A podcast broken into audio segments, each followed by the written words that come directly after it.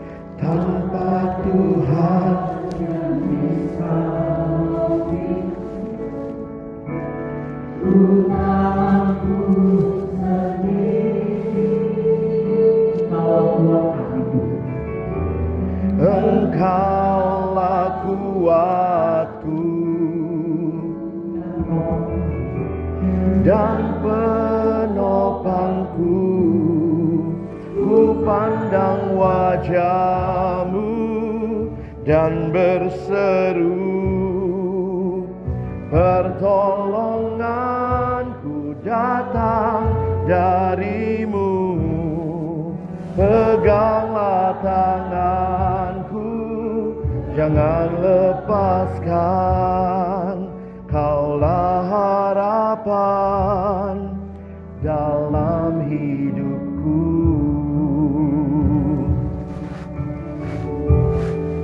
Bukan dengan kekuatan Bukan dengan kekuatanku. Ku dapat jalani hidupku Tanpa Tuhan yang di sampingku. Ku tak mampu sendiri. Engkaulah kuatku. Yang menopangku Ku pandang wajahmu Dan berseru Pertolonganku datang darimu. Peganglah tanganku Jangan lepaskan. Kaulah harapan Dalam hidupku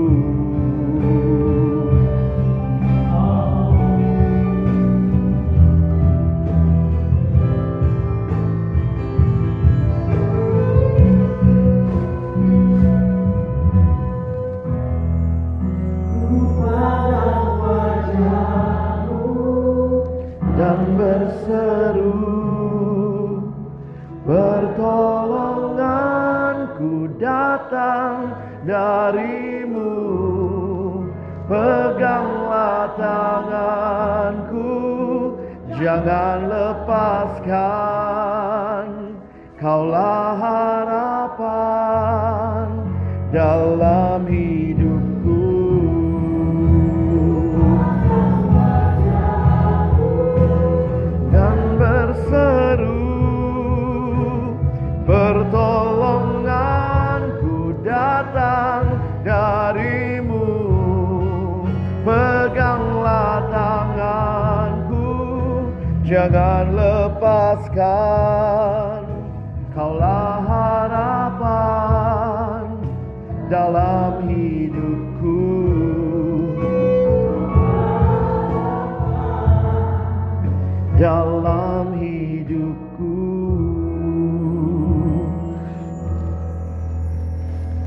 Mari saudara kita tunduk kepala sebelum membaca merenungkan firman Tuhan.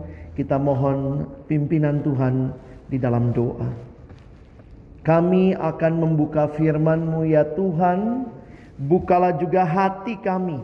Jadikanlah hati kami seperti tanah yang baik supaya ketika benih firman Tuhan ditaburkan itu boleh sungguh-sungguh berakar, bertumbuh dan juga berbuah nyata di dalam kehidupan kami. Berkati setiap kami yang mendengarkan firman, hambamu yang menyampaikan, Tolong kami agar kami semua bukan hanya jadi pendengar yang setia, mampukan dengan kuasa rohmu yang kudus, kami dimampukan menjadi pelaku-pelaku firman-Mu di dalam kehidupan kami. Bersabdalah ya Tuhan kami sedia mendengarnya dalam satu nama yang kudus, nama yang berkuasa, nama Tuhan kami Yesus Kristus. Kami menyerahkan pembacaan dan pemberitaan firman-Mu. Amin. Saudara yang dikasihi Tuhan, sama-sama kita membuka firman Tuhan di dalam perjanjian lama, kitab Nabi Yesaya pasal yang ke-55. Yesaya pasal yang ke-55, kita akan membaca di dalam ayat yang pertama sampai dengan ayatnya yang ke-9. Yesaya 55 ayat yang pertama sampai dengan ayatnya yang ke-9. Kita akan membaca bagian ini bergantian. Saya mulai membaca ayat yang pertama. Mohon Bapak Ibu Saudara sekalian membaca ayat yang kedua. Kita bergantian sampai dengan ayatnya yang ke-9. Seruan untuk turut serta dalam keselamatan yang dari Tuhan Ayo, hai semua orang yang haus, marilah dan minumlah air. Dan hai orang yang tidak mempunyai uang, marilah.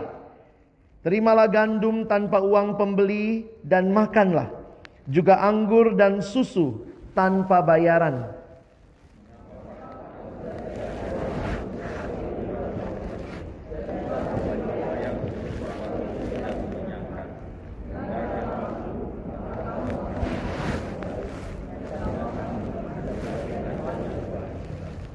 Sendengkanlah telingamu dan datanglah kepadaku.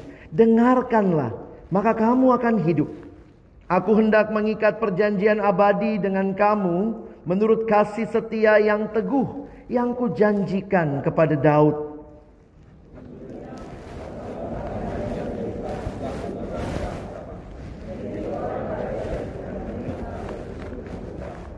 Sesungguhnya Engkau akan memanggil bangsa yang tidak kau kenal dan bangsa yang tidak mengenal engkau akan berlari kepadamu oleh karena Tuhan Allahmu dan karena yang Maha Kudus Allah Israel yang mengagungkan engkau.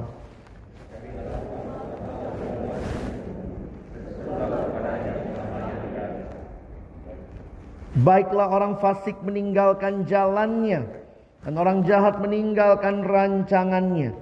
Baiklah ia kembali kepada Tuhan, maka dia akan mengasihaninya.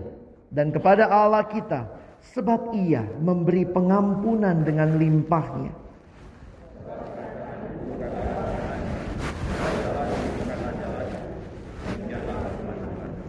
Seperti tingginya langit dari bumi, demikianlah tingginya jalanku dari jalanmu, dan rancanganku dari rancanganmu.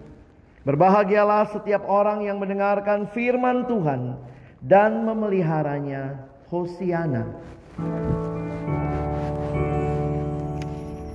Hosiana, Hosiana, Hosiana.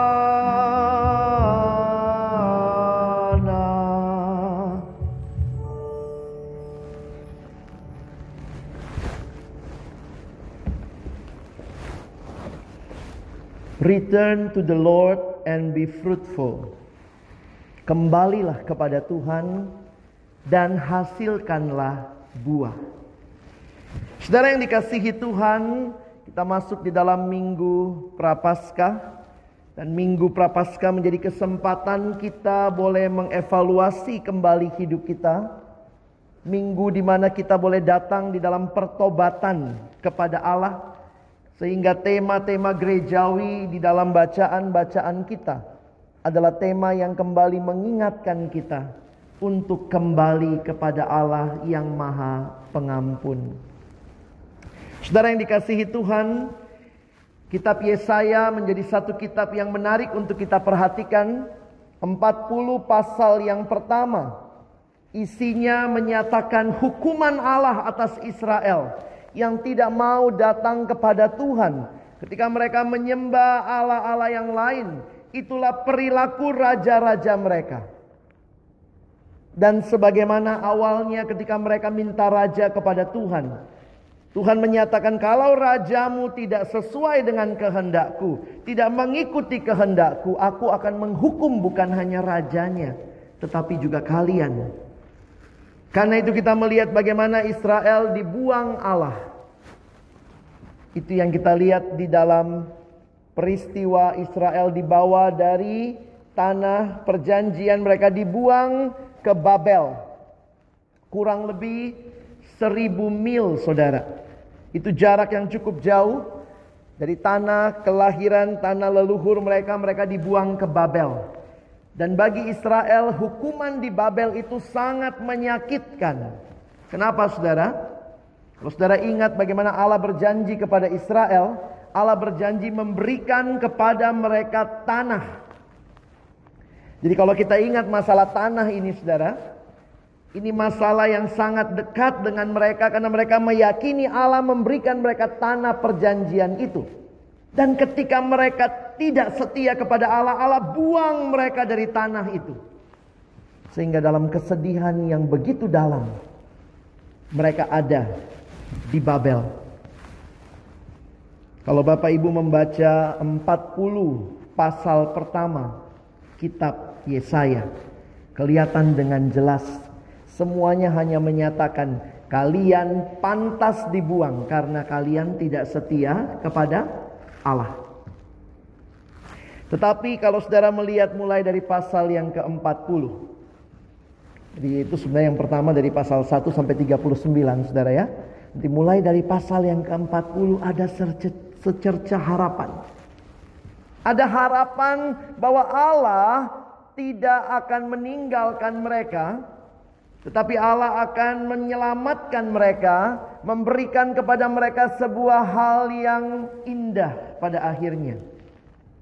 Di situlah kalau kita belajar saudara, bahwa penghukuman Allah tidak pernah untuk menghancurkan.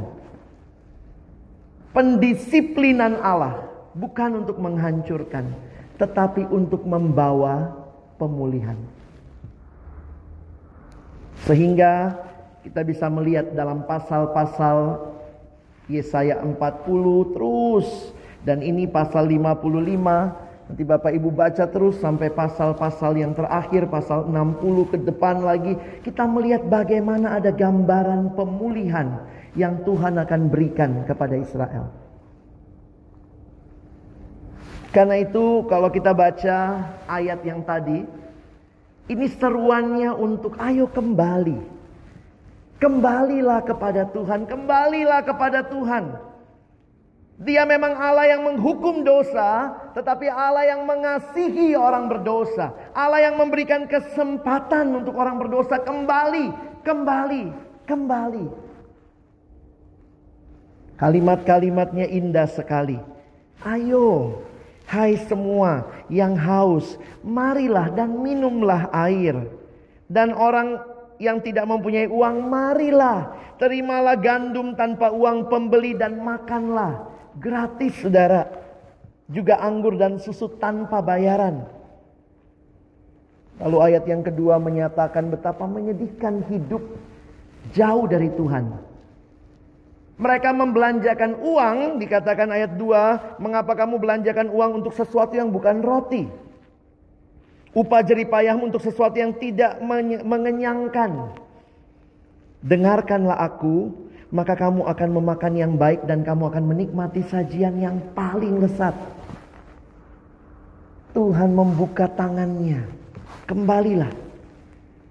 Sendengkanlah telingamu dan datanglah kepadaku. Dengarkanlah maka kamu akan hidup. Dan saudara ini semua mengapa Tuhan lakukan? Tuhan mengingat lagi perjanjiannya. Perjanjian dengan siapa? Secara khusus yang begitu kuat di benak orang Israel, selain Abraham adalah perjanjian dengan Daud. Itulah yang ditulis di ayat 3b. Aku hendak mengikat perjanjian abadi dengan kamu menurut kasih setia yang teguh yang kujanjikan kepada Daud. Saudara lihat, apa yang sebenarnya Tuhan berikan ini bukan sesuatu yang baru. Apa yang Tuhan katakan kalau keturunan Daud mau setia, mereka akan mengalami berkat yang daripada Tuhan. Dan saudara lihat, apa yang terjadi ketika ada pertobatan? Apa yang terjadi ketika ada pemulihan? Maka lihat ayat yang keempat. Sesungguhnya aku telah menetapkan dia menjadi saksi bagi bangsa-bangsa. Menjadi seorang raja dan pemerintah bagi suku-suku bangsa. Sesungguhnya engkau akan memanggil bangsa yang tidak kau kenal. Dan bangsa yang tidak mengenal engkau akan berlari kepadamu. Saudara bukan hanya jadi berkat bagi diri sendiri. Tetapi jadi berkat bagi bangsa-bangsa lain. Pemulihan dari Tuhan membawa pembaharuan Bukan hanya dalam diri kita, tapi juga bagi orang-orang di sekitar kita. Diingatkan ayat 5, itu bukan karena kita. Oleh karena Tuhan Allahmu dan karena yang Maha Kudus Allah Israel yang mengagungkan engkau. Bagaimana respon umat? Kalau Bapak Ibu lihat ayat 6, carilah Tuhan selama ia berkenan ditemui. Berserulah kepadanya selama ia dekat. Baiklah orang fasik meninggalkan jalannya. Ini tema yang saya ambil dari ayat ini. Return to the Lord. Dan orang jahat meninggalkan rancangannya. Baiklah ia kembali kepada Tuhan. Kata itu yang saya ambil. Return to the Lord. Dan kepada Allah sebab ia memberi pengampunan dengan limpahnya. Lalu digambarkan bahwa rancangan Tuhan melebihi yang sanggup kita bayangkan dan pikirkan. Setelah waktu merenungkan ini saja saya sudah kagum banget. Menyadari bahwa manusia hidup di dalam keberdosaan, manusia hidup di dalam segala kelemahan, ketidakmampuan melakukan kehendak Allah. Tetapi Allah yang begitu kaya dengan rahmatnya memberikan kepada kita pengampunan. Dan dia mau kita kembali kepada dia. Dan kita tahu apa yang dia janjikan kepada Daud digenapi. Ini adalah syair-syair tentang Mesias. Kalau Bapak Ibu membaca mulai dari pasal 52, 53 ada nyanyian tentang Mesias yang akan datang dan jelas dari keturunannya Daud. Dan ini digenapkan di dalam Kristus. Pengampunan bagi kita Allah sediakan di dalam Kristus.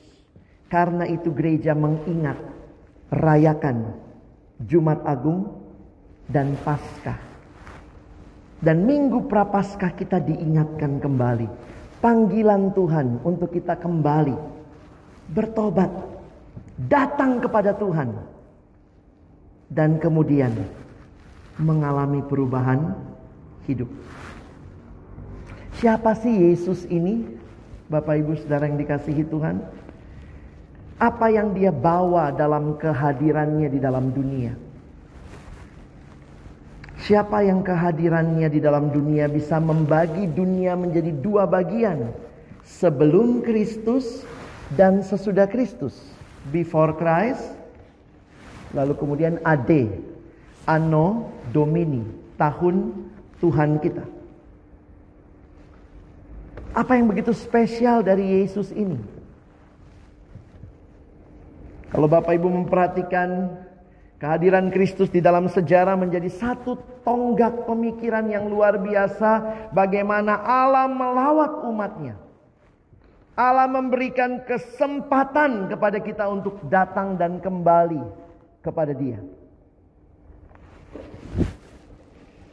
Seorang penulis bernama John Stott mengatakan kalimat begini, saudara. Sebenarnya kalau saudara punya Yesus dalam hidupmu, maka orang yang punya Yesus di dalam hidupnya itu hidupnya kalau dituliskan kayak novel dua jilid.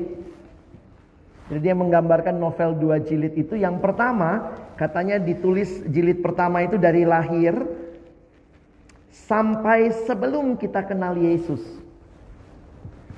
Jadi novel jilid pertama judulnya Manusia Lama.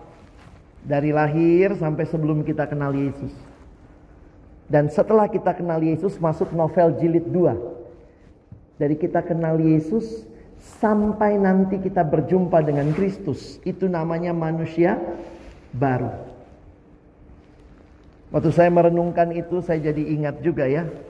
Ternyata kalau Kristus benar-benar hadir di hidup kita. Dia bukan hanya membelah zaman menjadi dua. Sebelum Kristus dan sesudah Kristus. Tetapi juga dia akan membelah hidup kita menjadi hidup yang berbeda. Dulu waktu masih hidup di dalam dosa, menikmati dosa dan ketika dia hadir, kita terima dia di dalam hidup kita. Kita masuk dalam hidup yang yang baru. Pertanyaan John Stott dalam bukunya, dia tanya sederhana. Saudara masih hidup di jilid satu atau sudah masuk jilid dua? Berapa banyak dari kita yang sudah dari kecil mungkin Kristen, pertanyaannya kita Kristennya sungguh-sungguh nggak ya? Mana tahu kita Kristen KTP katanya ya. Kristen tanpa pertobatan, Kristen tanpa perubahan, Kristen tanpa semua. Silakan ganti P-nya dengan hal-hal yang belum kita alami. Tuhan memanggil Israel, ini umatnya. Tuhan bilang marilah, datanglah, carilah Tuhan. Saudara kalau betul-betul hidup kita mengalami perubahan karena Kristus hadir di hidup kita. Maka tentunya dibuktikan dengan buah-buah yang dihasilkan. Makanya Tuhan Yesus bilang apa? Pohon dikenal dari buahnya. Jadi ini pohon apa? Lihat aja buahnya. Sehingga kalau kita juga mau bicara, bagaimana kita dikenal? Return to the Lord and be fruitful. Karena buah-buah itu akan menunjukkan sebenarnya siapa kita yang sesungguhnya. Ini prinsip hidup apa yang banyak masuk logikanya itu yang banyak keluar saudara. Bayangkan kalau yang masuk terus cuman apa ya sinetron, sinetron, sinetron gitu ya. Jangan heran hidupnya nilainya nilai-nilai sinetron. Kalau yang masuk terus drakor, drakor, drama Korea, drama Korea, drama Korea gitu ya. Keluarnya drama Korea saudara. Tapi kalau yang masuk ya firman Tuhan, kita baca renungkan tiap hari, ya harusnya juga perubahannya begitu ya. Ini jadi pergumulan juga. Saya akhirnya menyadari betul ya. Yang namanya bertobat itu ada hasilnya. Di banyak gereja sering bikin KKR ya.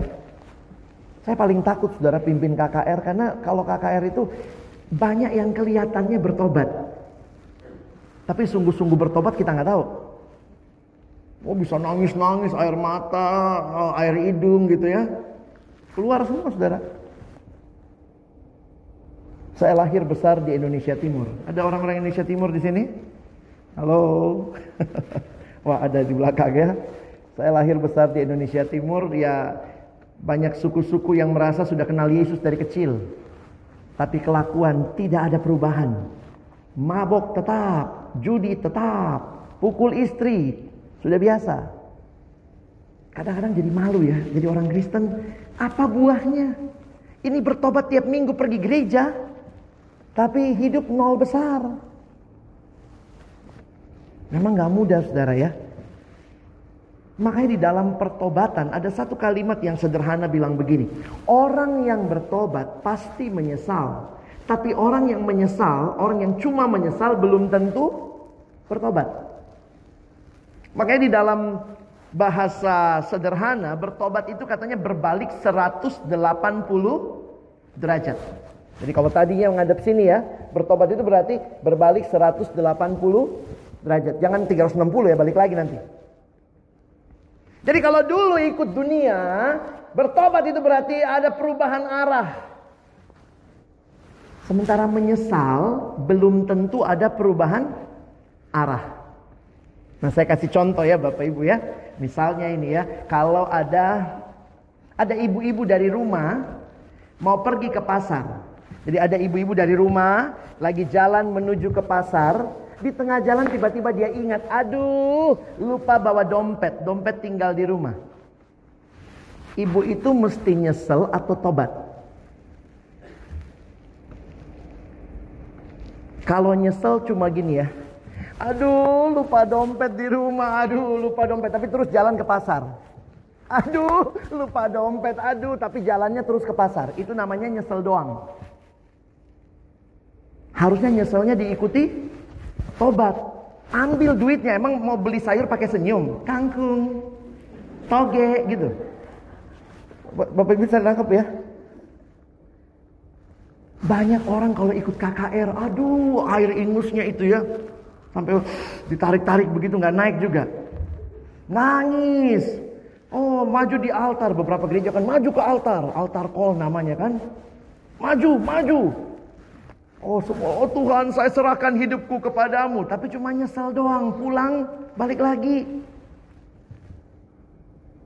Tuhan tidak mau pertobatan yang aspal. Asli tapi palsu. Kelihatannya asli tapi palsu. Tuhan mau pertobatan yang sungguh. Yang diikuti oleh perubahan arah. Sehingga kalau saudara mau tahu. Saya ini sudah sungguh-sungguh bertobat atau tidak. Lihat aja buahnya ada atau tidak. Kalau setelah ikut KKR, setelah ikut kebaktian rohani, penyegaran iman, apalah istilah kita sekarang ya. Semua disegar-segarin gitu ya. Pertanyaannya ada perubahan nggak?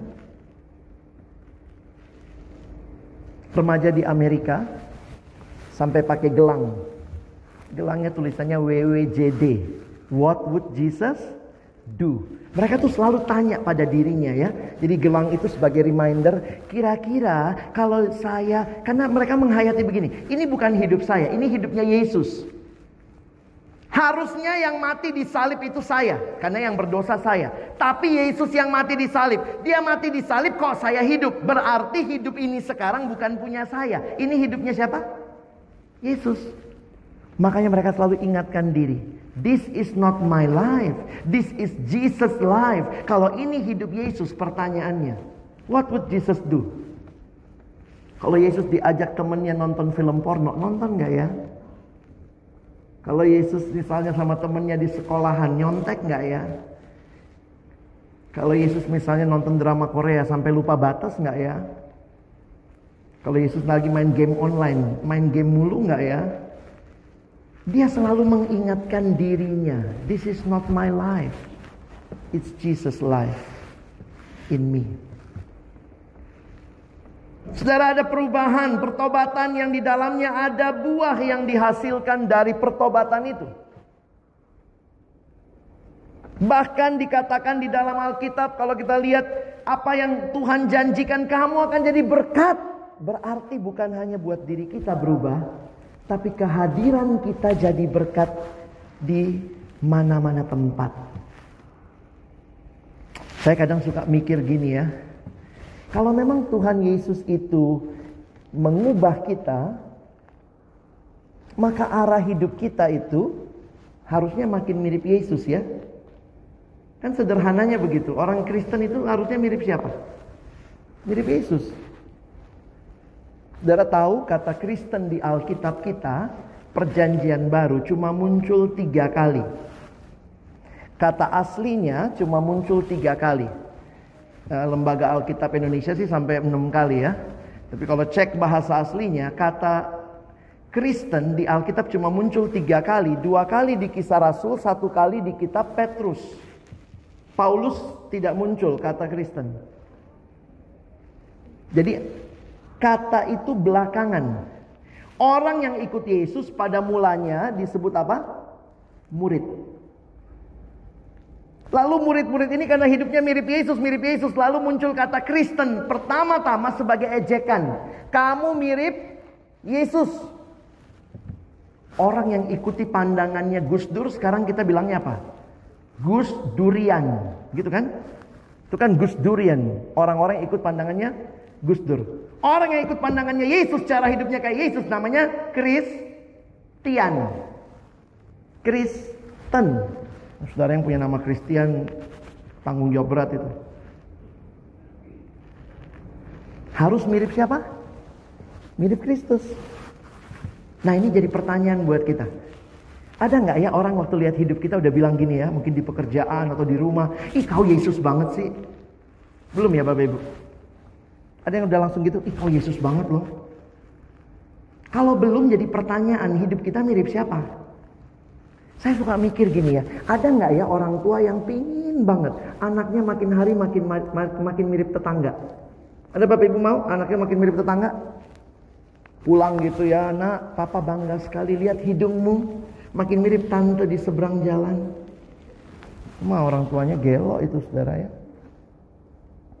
Lihat kupingmu makin mirip om yang sering lewat depan rumah. Orang tua yang normal itu pingin banget anaknya mirip Mirip dia. Pertama kali waktu teman saya melahirkan, suami istri teman saya ya. Tapi tetap sih yang waktu itu melahirkan istrinya ya.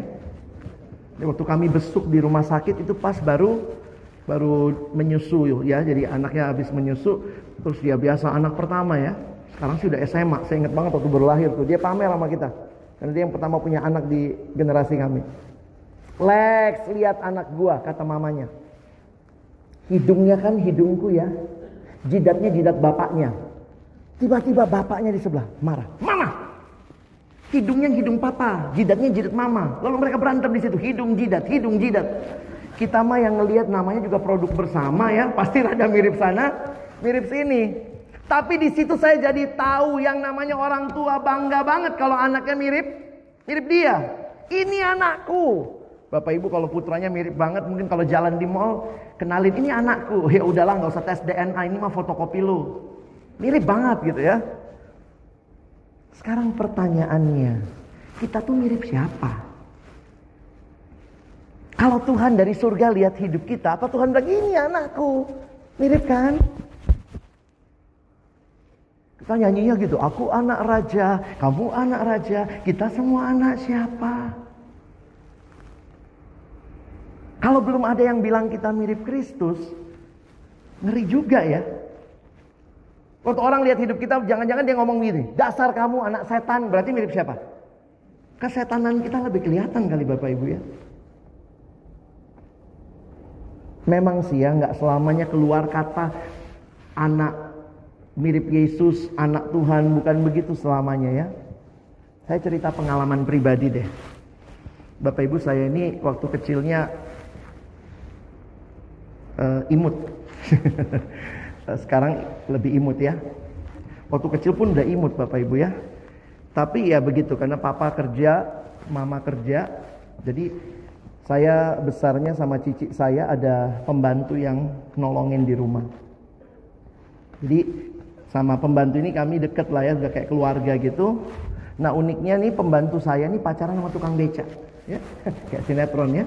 Pembantu saya pacaran sama tukang beca. Jadi ritual saya sama cici saya waktu masih balita, sore hari, mama mama kalau pas kerjanya siang, jadi masuk kerja di apotik tuh jam 2, pulang jam 9 malam. Nah itu kalau pas lagi begitu, maka ritual sore saya sama cici saya adalah naik becak gratis keliling kota nggak bayar.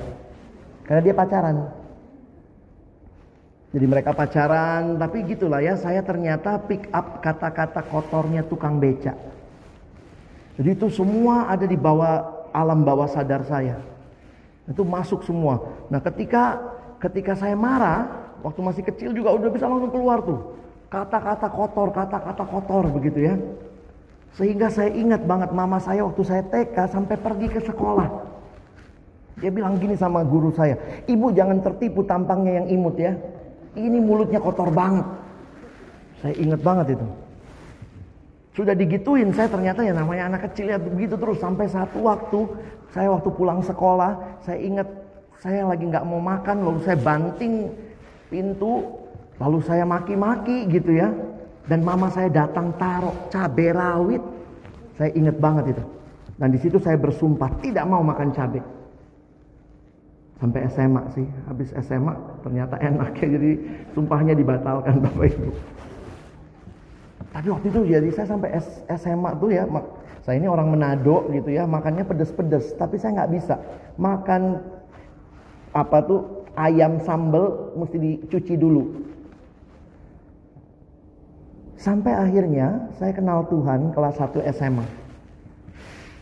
Saya dilayani di satu sekolah Saya kenal Tuhan di situ dan saya mulai berubah. Nah, salah satu yang paling sulit adalah masalah mulut. Jadi waktu saya baru bertobat minta Tuhan salah satu ubah mulut ini karena kalau emosi marah kita bisa langsung keluar tuh kayak udah di bawah sadar gitu ya. Dan ternyata Tuhan tolong tuh makin berubah makin berubah.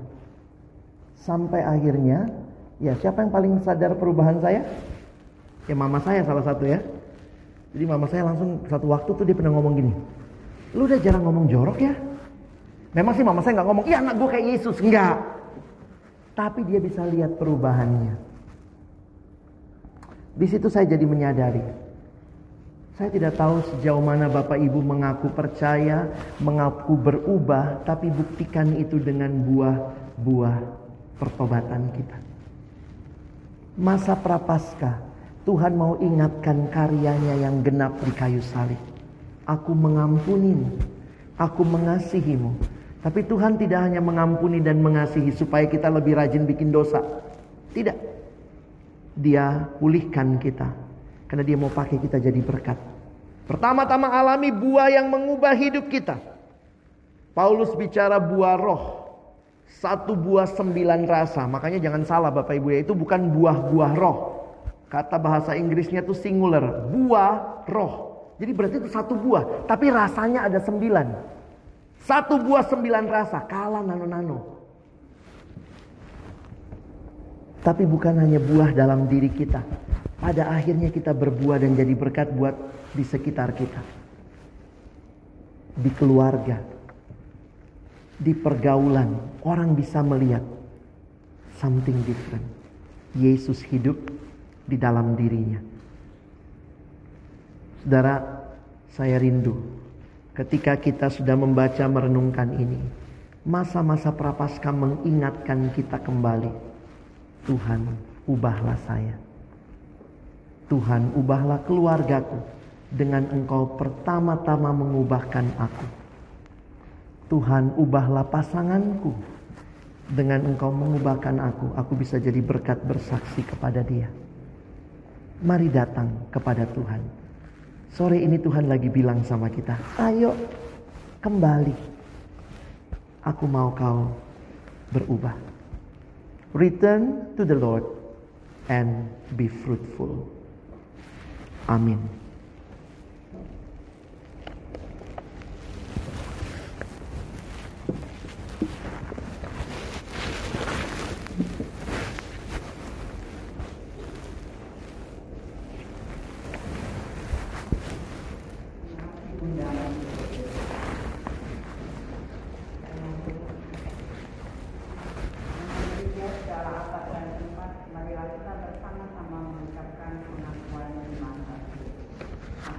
Percaya kepada Allah, Bapa yang Maha Kuasa, Halik langit dan bumi, dan kepada Yesus Kristus, anaknya yang tunggal Tuhan kita, yang dikandung daripada roh kudus, lahir dari anak darah Maria, yang menderita sengsara di bawah pemerintahan Pilatus, mati dan dikuburkan, turun dalam kerajaan maut.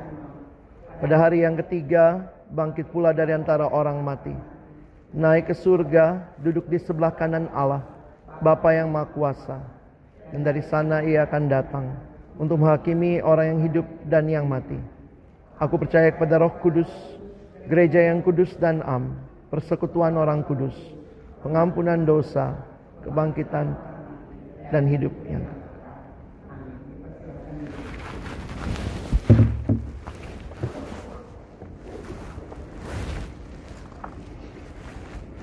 Mari kita satukan hati menaikkan doa syafaat kita di hadapan Tuhan. Kita berdoa.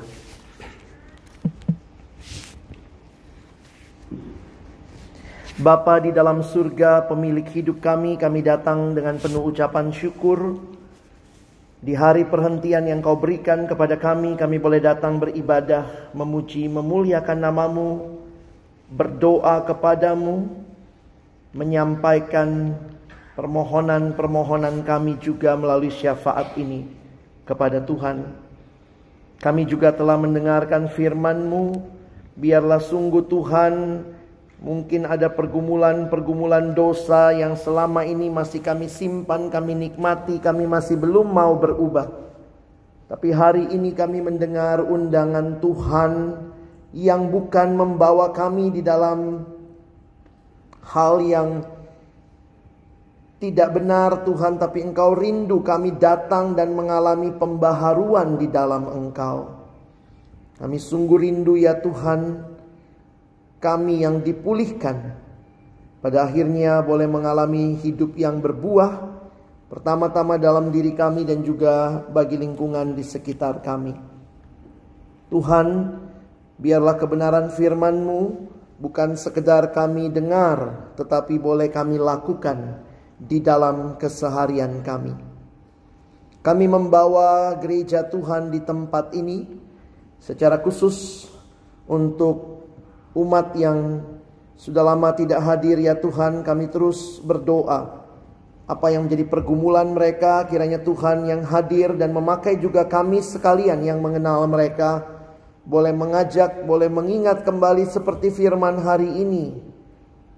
Ayo kembali dan datang kepada Tuhan. Mungkin yang pernah mengalami kekecewaan dengan Tuhan, biarlah mereka boleh datang kembali dan mengalami dikuatkan, diteguhkan, dihibur di dalam Engkau ya Tuhan.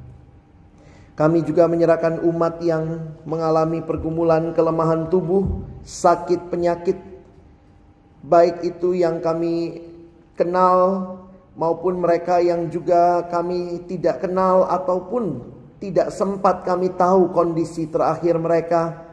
Kami percaya Engkau Allah yang mengetahui segala sesuatu, Allah yang juga bersama dengan Bapak Ibu saudara-saudara yang sakit. Secara khusus mungkin juga di tengah-tengah pergumulan ada orang-orang yang sudah di dalam usia lanjut mengalami pergumulan kesehatan, kami sungguh menyerahkan ke tangan Tuhan agar mereka tidak kehilangan pengharapan, tetapi terus berharap, berserah dan bersandar kepada Tuhan.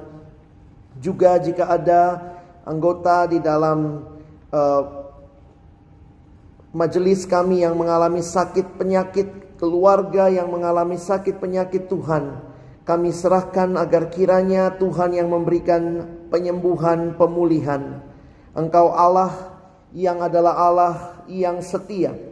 Engkau yang kiranya memakai makanan, minuman, obat-obatan, perawatan dari para medis, dokter, dan juga kasih sayang dari keluarga untuk membawa pemulihan bagi orang-orang yang mengalami sakit ini ya Tuhan.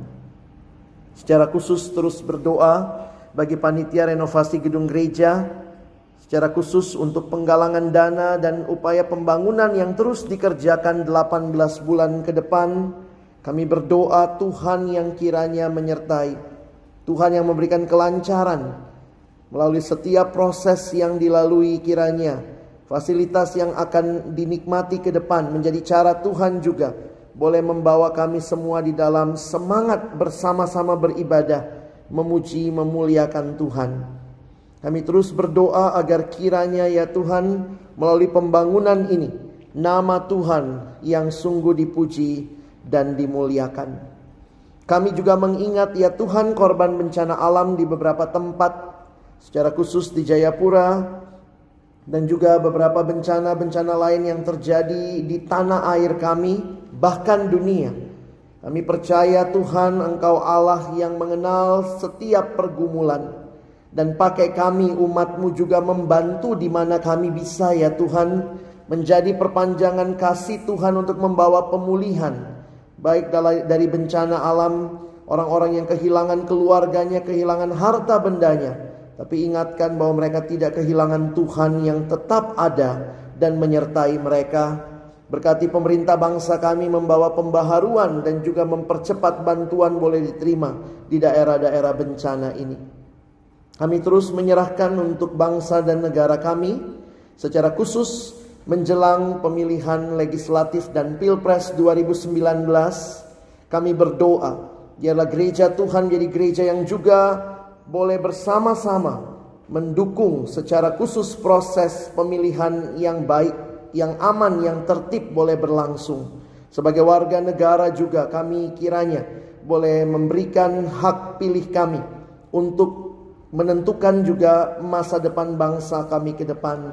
Berikan ketenangan, kedamaian, keamanan. Siapa pun yang terpilih kami terus berdoa, Tuhan berikanlah kepada bangsa kami pemimpin yang terus-menerus boleh berseru dan berserah kepada Tuhan. Terima kasih banyak ya Tuhan bagi perdamaian dunia ini kami terus serahkan ke dalam tangan-Mu. Engkau Allah yang memberkati, Engkau Allah yang memakai kami semua bangsa-bangsa mengupayakan perdamaian di dalam dunia ini. Inilah doa syafaat kami. Kami percaya Tuhan mendengarkan doa kami dan Tuhan akan menjawab seturut dengan waktu dan kehendak Tuhan. Di dalam satu nama yang kudus, nama yang berkuasa, nama Tuhan kami Yesus Kristus yang telah mengajarkan kami berdoa bersama-sama. Bapa kami yang di surga, dikuduskanlah namamu, datanglah kerajaanmu, jadilah kehendakmu di bumi seperti di surga. Berikanlah kami pada hari ini makanan kami yang secukupnya, dan ampunilah kami akan kesalahan kami, seperti kami juga mengampuni orang yang bersalah kepada kami dan janganlah bawa kami ke dalam pencobaan, tapi lepaskanlah kami daripada yang jahat. Karena kau yang punya kerajaan dan kuasa dan kemuliaan sampai selama-lamanya. Amin.